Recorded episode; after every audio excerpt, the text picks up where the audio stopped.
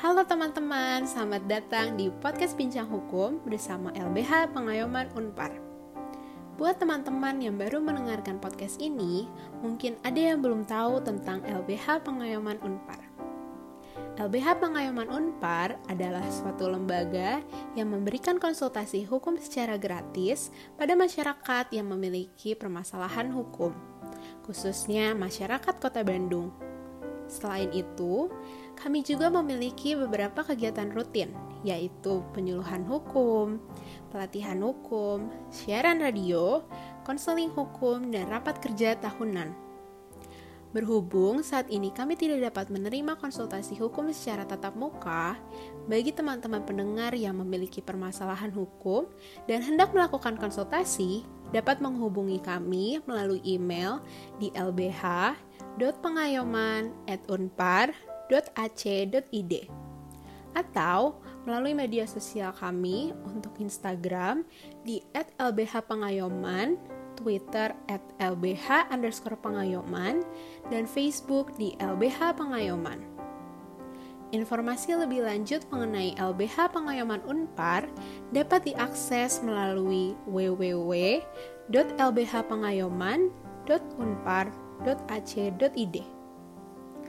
Episode kali ini kami akan membahas materi mengenai konsep bank tanah dalam Undang-Undang Cipta Kerja bersama Brian Dave.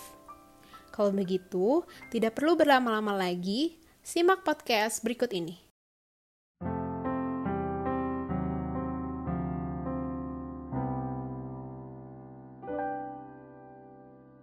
Halo para pendengar, kita bertemu lagi nih di podcast Pinjam Hukum bersama kami, Lembaga Bantuan Hukum Pengaman Unpar. Kenalin, aku Dava yang akan menemani kalian untuk ngobrol tentang isu hukum yang sedang hangat di masyarakat. Hari ini aku ditemani sama Kak Gaul. Halo Kak Gaul. Halo Dava, halo para pendengar podcast. Hari ini kita mau bahas tentang apa sih Kak? Nah, jadi hari ini Dav kita bakal uh, membahas suatu hal yang cukup menarik nih, yaitu mengenai konsep bank tanah dalam Undang-Undang Cipta Kerja. Sebelumnya aku mau naik ke kamu dulu nih. Kamu tuh pernah nggak sih dengar tentang bank tanah ini? Aku pernah sih kak baca di artikel uh, di internet, cuman aku sebenarnya kurang paham gitu sih kak tentang konsep bank tanah. Nah kalau aku sih sebetulnya hampir sama ya, maksudnya aku juga udah sempat riset, sempat googling tentang bank tanah ini dan ya aku juga belum terlalu mendalami gitu. Tapi kalau aku lihat-lihat nih ya, Dav, hasil riset aku tuh mengatakan bahwa ternyata konsep bank tanah ini masih mempunyai banyak masalah gitu loh, Dav. Betul sih Kak, eh, banyak eh, pengaturan yang mungkin belum jelas ya untuk Betul. saat ini. Jadi uh, bisa uh, multitafsir gitu Kak. Benar-benar dan kayaknya kalau semisal kita membahas ini berdua dan kita pun uh, di posisi yang belum terlalu mendalami Bang Tan ini kayaknya cukup kesulitan ya, Dav. Kayaknya kita perlu Betul seseorang sih, nih Betul sih kak. Nanti kita jatuhnya jadi so tahu gitu kak. Benar. Nah ya. hari ini untuk uh, kita punya narasumber yang telah uh, meneliti tentang bank tanah. Uh, narasumbernya adalah Brian Dev. Halo Brian Dev. Halo Dava. Halo Kak Gao. Apa kabar? Halo Brian. Baik, baik, baik, baik. Kamu gimana? Baik juga. Nah, sebelum kita uh, menyelam lebih dalam tentang konsep bank tanah, mungkin aku mau tanya dulu ya Bang Tanah ini kan ada di Undang-Undang Cipta Kerja. Nah, hubungannya Undang-Undang Cipta Kerja dan Omnibus Law itu apa sih, Brian? Nah, kalau pertanyaan ter terkait dengan pertanyaan kamu tadi, Omnibus Law itu adalah suatu metode atau konsep pembuatan regulasi yang menggabungkan beberapa aturan yang substansi pengaturannya berbeda menjadi satu peraturan dalam satu payung hukum. Intinya, dalam satu undang-undang itu ada perubahan dari berbagai undang-undang lainnya. Istilahnya kayak undang-undang yang jadi satu semuanya gitu. Nah, salah satu omnibus law yang saat ini udah ada dan berlaku di Indonesia itu adalah Undang-Undang Nomor 11 Tahun 2020. Namanya adalah Undang-Undang Cipta Kerja. Nah, dalam Undang-Undang Cipta Kerja itu salah satunya ada diatur tentang bank tanah. Gitu, Dav. Oh, oke okay, oke. Okay. Aku jadi nangkapnya Omnibus Law ini ada undang-undang yang mempayangi undang-undang lainnya ya, kayak undang-undang uh, di Undang-Undang Cipta Kerja ini dia kayak ada undang-undang tenaga kerja, undang-undang uh, pertanahan gitu ya? Nah, bener banget tuh. Jadi di Undang-Undang Cipta Kerja ini mengatur tentang perubahan terhadap banyak undang-undang lainnya. Gitu, Dav. Oke, berarti konsepnya seperti itu ya kalau kita ngomong tentang Undang-Undang Cipta Kerja tuh ya. Tapi sesuai dengan judulnya nih, konsep bank tanah dalam Undang-Undang Cipta Kerja. Berarti ya seharusnya kita bahas bank tanah nih kan, Brian. Dan mungkin para pendengar masih banyak yang belum tahu apa sih bank tanah itu atau apa sih fungsi dari bank tanah itu. Kira-kira kalau menurut Brian sendiri, fungsi dan pengertian dari bank tanah itu apa sih? Nah, kalau kagak sama para pendengar masih banyak yang bingung, sebenarnya pengertian dan fungsi bank tanah itu udah ada nih dalam Undang-Undang Cipta Kerja itu sendiri. Bank tanah itu adalah suatu badan khusus yang ia mengelola tanah. Nah, fungsinya itu untuk melaksanakan perencanaan, perolehan, pengadaan, pengelolaan, pemanfaatan, dan pendistribusian tanah. Intinya satu badan ini yaitu Bank Tanah ngurusin tentang pertanahan di Indonesia. Gitu sih, kagak Berarti mungkin ini harus dipastikan dulu ya kepada para pendengar bahwa bank tanah yang dimaksud dalam podcast ini tuh bukan bank-bank yang mungkin kalian kenal di luar sana. Artinya kan bank-bank yang kita kenal mungkin ya itu tuh badan usaha yang mengelola keuangan gitu. Nah, bank tanah yang dimaksud di sini tuh bukan seperti itu, melainkan bank yang terkhusus mengelola tentang pertanahan. Begitu nggak sih, Brian? Nah, betul tuh Kak. Bank tanah itu beda sama bank yang selama ini kita tahu. Kalau yang sering kita dengar kan bank itu yang ngurusin tentang keuangan masyarakat atau tempat masyarakat nabung. Nah, betul, kalau betul. bank tanah ini suatu badan yang ngurusin tentang tanah, jadi bank itu hanyalah istilah atau namanya aja. Gitu sih paling. Nah, Brian, aku mau nanya nih, di Undang-Undang Cipta Kerja ini gimana sih sebenarnya pengaturan tentang bank tanahnya tuh? Dan setahu aku ya, sebenarnya ada nggak sih lembaga yang sifatnya tuh sama uh, dengan bank tanah, yaitu lembaga yang ada di Kementerian Agraria. Bener nggak sih? Nah, DAF di Undang-Undang Cipta Kerja itu emang bank tanah itu diatur di pasal 125 sampai pasal 135. Jadi total kalau kita hitung dari pasal 125 sampai 135 berarti ada 11 pasal yang atur tentang bank tanah. Terkait dengan yang tadi kamu sebutin, ada Kementerian Agraria dan Tata Ruang atau Badan Pertanahan Nasional, kita kan tahu nih bahwa sesuai dengan namanya, yaitu ada Kementerian Agraria sekaligus Badan Pertanahan Nasional, artinya lingkup kerja dari kementerian tersebut adalah juga tentang tanah, mengurusi tentang agraria. Sementara itu, dalam Undang-Undang Cipta Kerja ini, kita tahu bahwa muncul lagi suatu lembaga yang ngurusin tentang tanah, yaitu namanya Bank Tanah. Nah, hal ini nih jadi pertanyaan nih buat banyak orang ngapain sih ada dua lembaga yang ngurusin sebenarnya hal yang sama ada Kementerian ATR ada Bank Tanah kayak gini kan justru ujung-ujungnya dua lembaga ini akan saling tumpang tindih dan kinerjanya menjadi tidak efektif. Selain itu kalau ada dua lembaga yang ngurusin hal yang sama pasti itu kan akan menimbulkan kerugian negara karena menggunakan anggaran negara yang sangat besar. Gitu sih, Dav. Oh, oke oke. Jadi lembaga uh, Bank Tanah ini ada uh, objek uh, yang diaturnya itu sama ya dengan Kementerian Agraria. Betul kan sesuai namanya agraria berarti urusan pertanahan. Nah, bank tanah juga sesuai namanya tanah juga nih yang diurusin berarti dua-duanya ngurusin sama tentang tanah gitu Dav.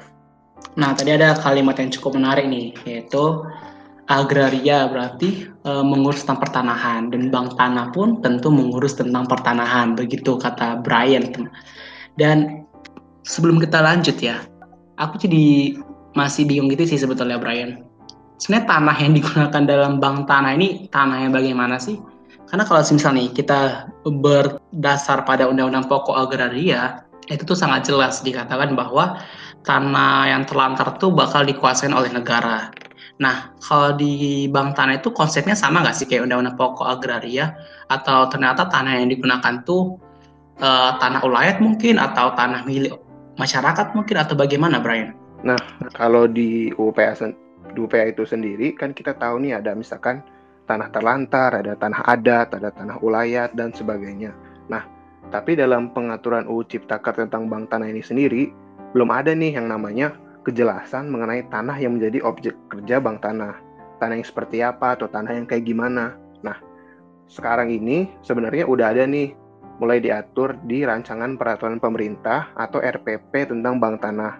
Di dalam RPP itu disebutin di pasal 6-nya bahwa tanah di bank tanah terbagi menjadi dua, yaitu tanah hasil penetapan pemerintah dan tanah dari pihak lain. Nah, terkait dengan tanah hasil penetapan pemerintah, itu diatur lebih lanjut nih di pasal 7, disebutin bahwa tanah penetapan pemerintah Yang dimaksud adalah tanah bekas hak, kawasan dan tanah terlantar, tanah pelepasan kawasan hutan, tanah timbul, tanah hasil reklamasi, ada tanah bekas tambang, ada tanah di pulau-pulau kecil, ada tanah yang terdampak dari kebijakan perubahan tata ruang atau tanah yang tidak ada penguasaan di atasnya, dan ada juga tanah lainnya. Nah, khusus buat poin terakhir nih, kan disebutin ada tanah lainnya. Muncul kebingungan mengenai apa sih yang dimaksud dengan tanah lainnya. Kata lainnya itu kan multitafsir dan cakupannya luas. Nah, ini menjadi menjadi ketakutan banyak pihak karena berpotensi merugikan masyarakat. Tapi tentu kita berharap objek kerja bank tanah itu tidak ada yang merugikan masyarakat. Itu sih yang aku tahu tentang tanah yang dimaksud di bank tanah itu sendiri. Gitu Kak Gao. Nah, setuju banget sih Brian. Jadi kita tuh nggak bisa menutup kemungkinan bahwa masyarakat sekarang tuh pemikirannya udah sangat maju gitu loh. Jadi benar kayak kata Brian, uh, multitafsir itu menjadi hal yang sangat mungkin terjadi nih belakangan ini karena ya benar kayak kata Brian tentang tanah lainnya pasti orang-orang punya penafsiran yang berbeda-beda tentang apa sih yang sebenarnya dimaksud dengan tanah lainnya itu. Cuman ya berkaitan dengan uh, rancangan peraturan pemerintah tentang bank tanah nih ya Dav. Aku tuh jadi kepikiran gitu ternyata banyak banget itu loh hal yang belum ketahui. Contohnya ini tentang RPP Bank Tanah ini. Aku sama sekali belum tahu loh tentang RPP ini sebelumnya. Betul sih kak, setahu aku tuh bank tanah tuh hanya ada pengaturannya di Undang-Undang Cipta Kerja doang. Aku belum tahu bahwa sudah ada RPP-nya. Nah, aku mau nanya sih ke Brian. Kita kan tadi udah ngebahas tentang uh, tanah jenis-jenis tanah ya.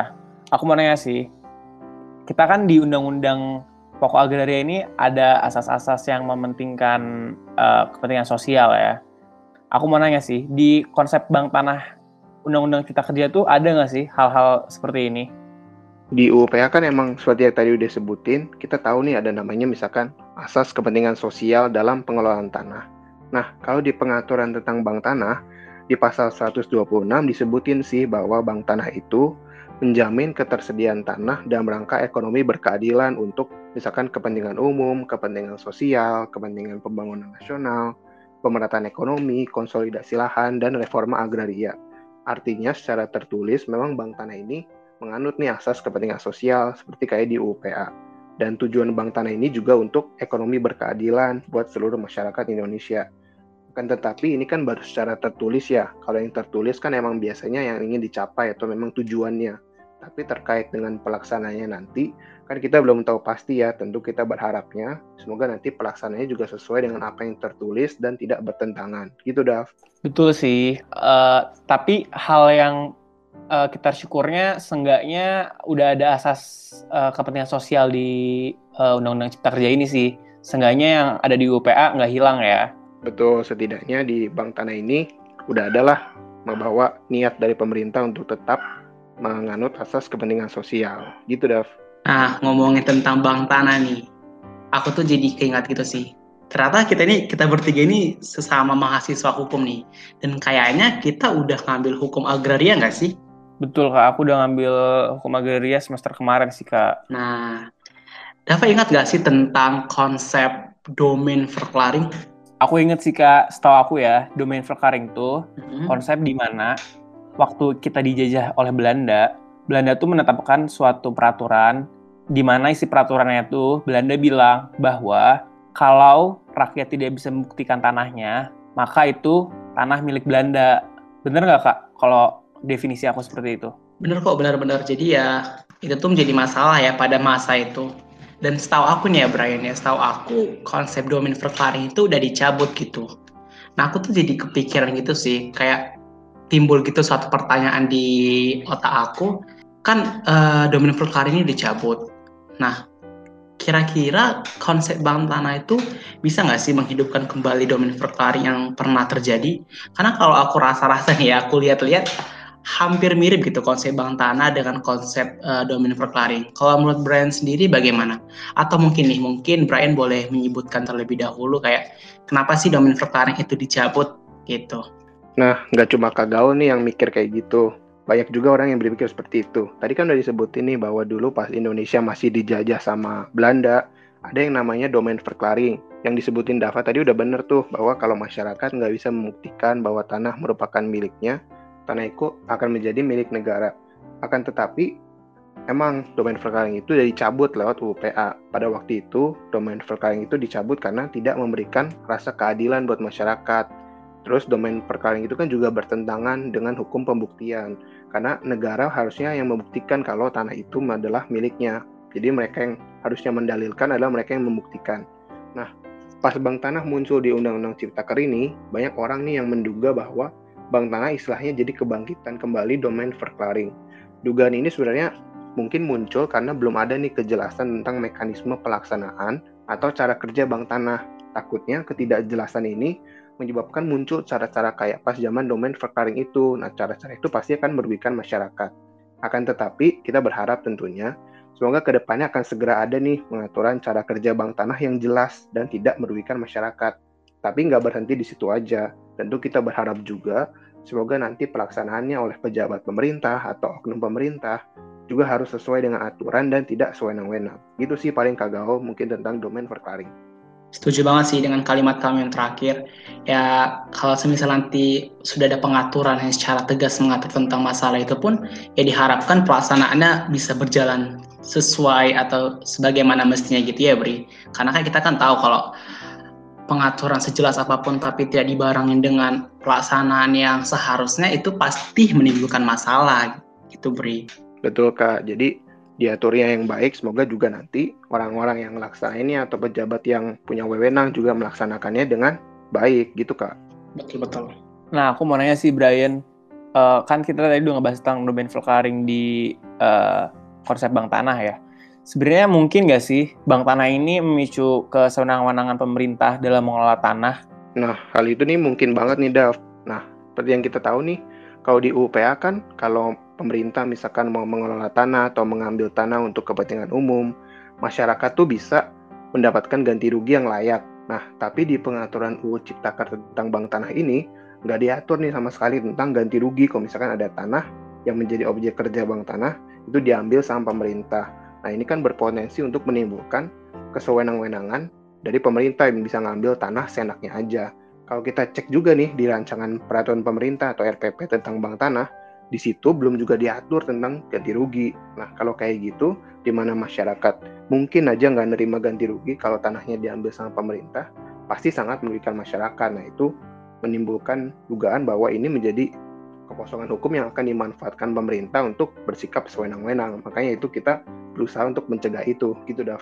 Oh, berarti ada perubahan mungkin ya, karena di UPA itu uh, ganti rugi itu diatur ya, sedangkan di uh, Undang-Undang Cipta Kerja tentang bank tanah dan RPP tentang bank tanah ini belum ada. Hmm, menarik sih. Ngomong tentang ganti rugi nih, aku sih kepikiran lagi nih Brian.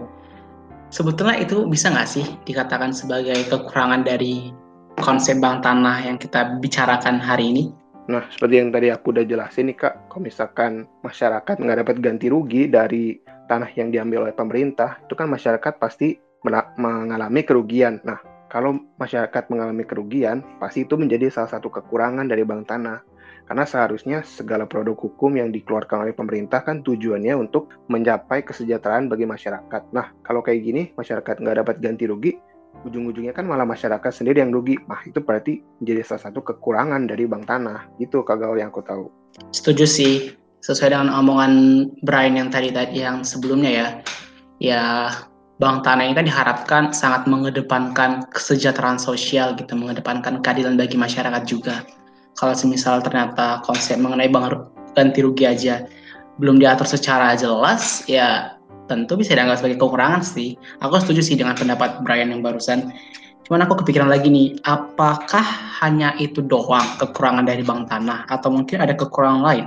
Nah, setahu aku sih mungkin nggak cuma itu doang ya kak. Tadi kan seperti yang di awal itu uh, kita bisa lihat kalau bank tanah dihubungin sama Kementerian Agraria dan Tata Ruang, dua lembaga itu kan ngurusin hal yang sama yaitu hal tentang tanah. Nah, kalau ada dua lembaga yang sama kayak gitu, ujung-ujungnya akan jadi tumpang tindih dan nggak efektif. Selain itu juga menghambur-hamburkan anggaran negara karena harus membiayai dua lembaga yang sebenarnya bisa ngurusin hal yang sama. Nah, selain itu dari tadi kita juga udah sering bahas kan bahwa pengaturan tentang bank tanah di Undang-Undang Cipta Kerja ini masih belum jelas. Ketidakjelasan itu kan pasti menimbulkan kekosongan hukum, malah jadi multitafsir. Nah, takutnya itu menjadi celah buat pemerintah untuk sewenang-wenang. Makanya sampai saat ini kita nunggu nih, kita berharap semoga pengaturannya nanti akan lebih jelas dan sesuai dengan uh, tujuan negara itu mencapai kesejahteraan masyarakat. Itu sih paling kekurangan yang mungkin bisa kita lihat dari bank tanah ini sendiri.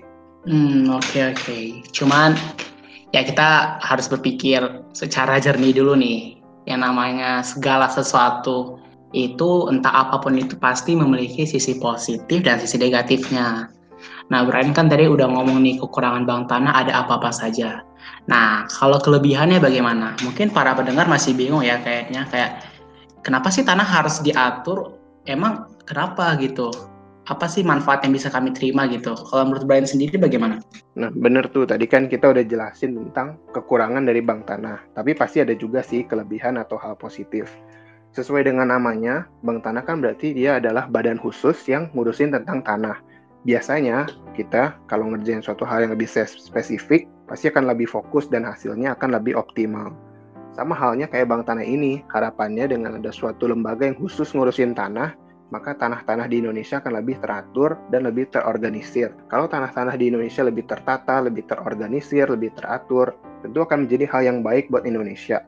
Kalau dikaitin dengan itu, bank tanah itu kan diatur dalam Undang-Undang Cipta Kerja. Sesuai namanya, Undang-Undang Cipta Kerja memang sejak awal dibuat oleh pemerintah untuk menciptakan lapangan kerja buat masyarakat Indonesia. Kalau bank tanah bisa berfungsi dengan baik, bisa mengatur dengan baik, tentu dampaknya kayak tadi, tanah Indonesia akan menjadi lebih teratur. Nah, kalau tanahnya lebih tertata, hal itu akan menjadi daya tarik yang luar biasa buat para investor. Nah, kalau banyak investor yang masuk dan melakukan investasi di Indonesia, tentu hal itu akan membuka lebih banyak lapangan kerja. Semakin banyak lapangan kerja berarti tingkat pengangguran akan semakin menurun. Nah, pendapatan masyarakat juga akan meningkat. Nah, hal itu pasti akan membantu Indonesia dalam hal pertumbuhan ekonomi. Itu sih yang mungkin bisa kita lihat kelebihan yang dituju dari Bank Tanah ini. Itu Kak Gao.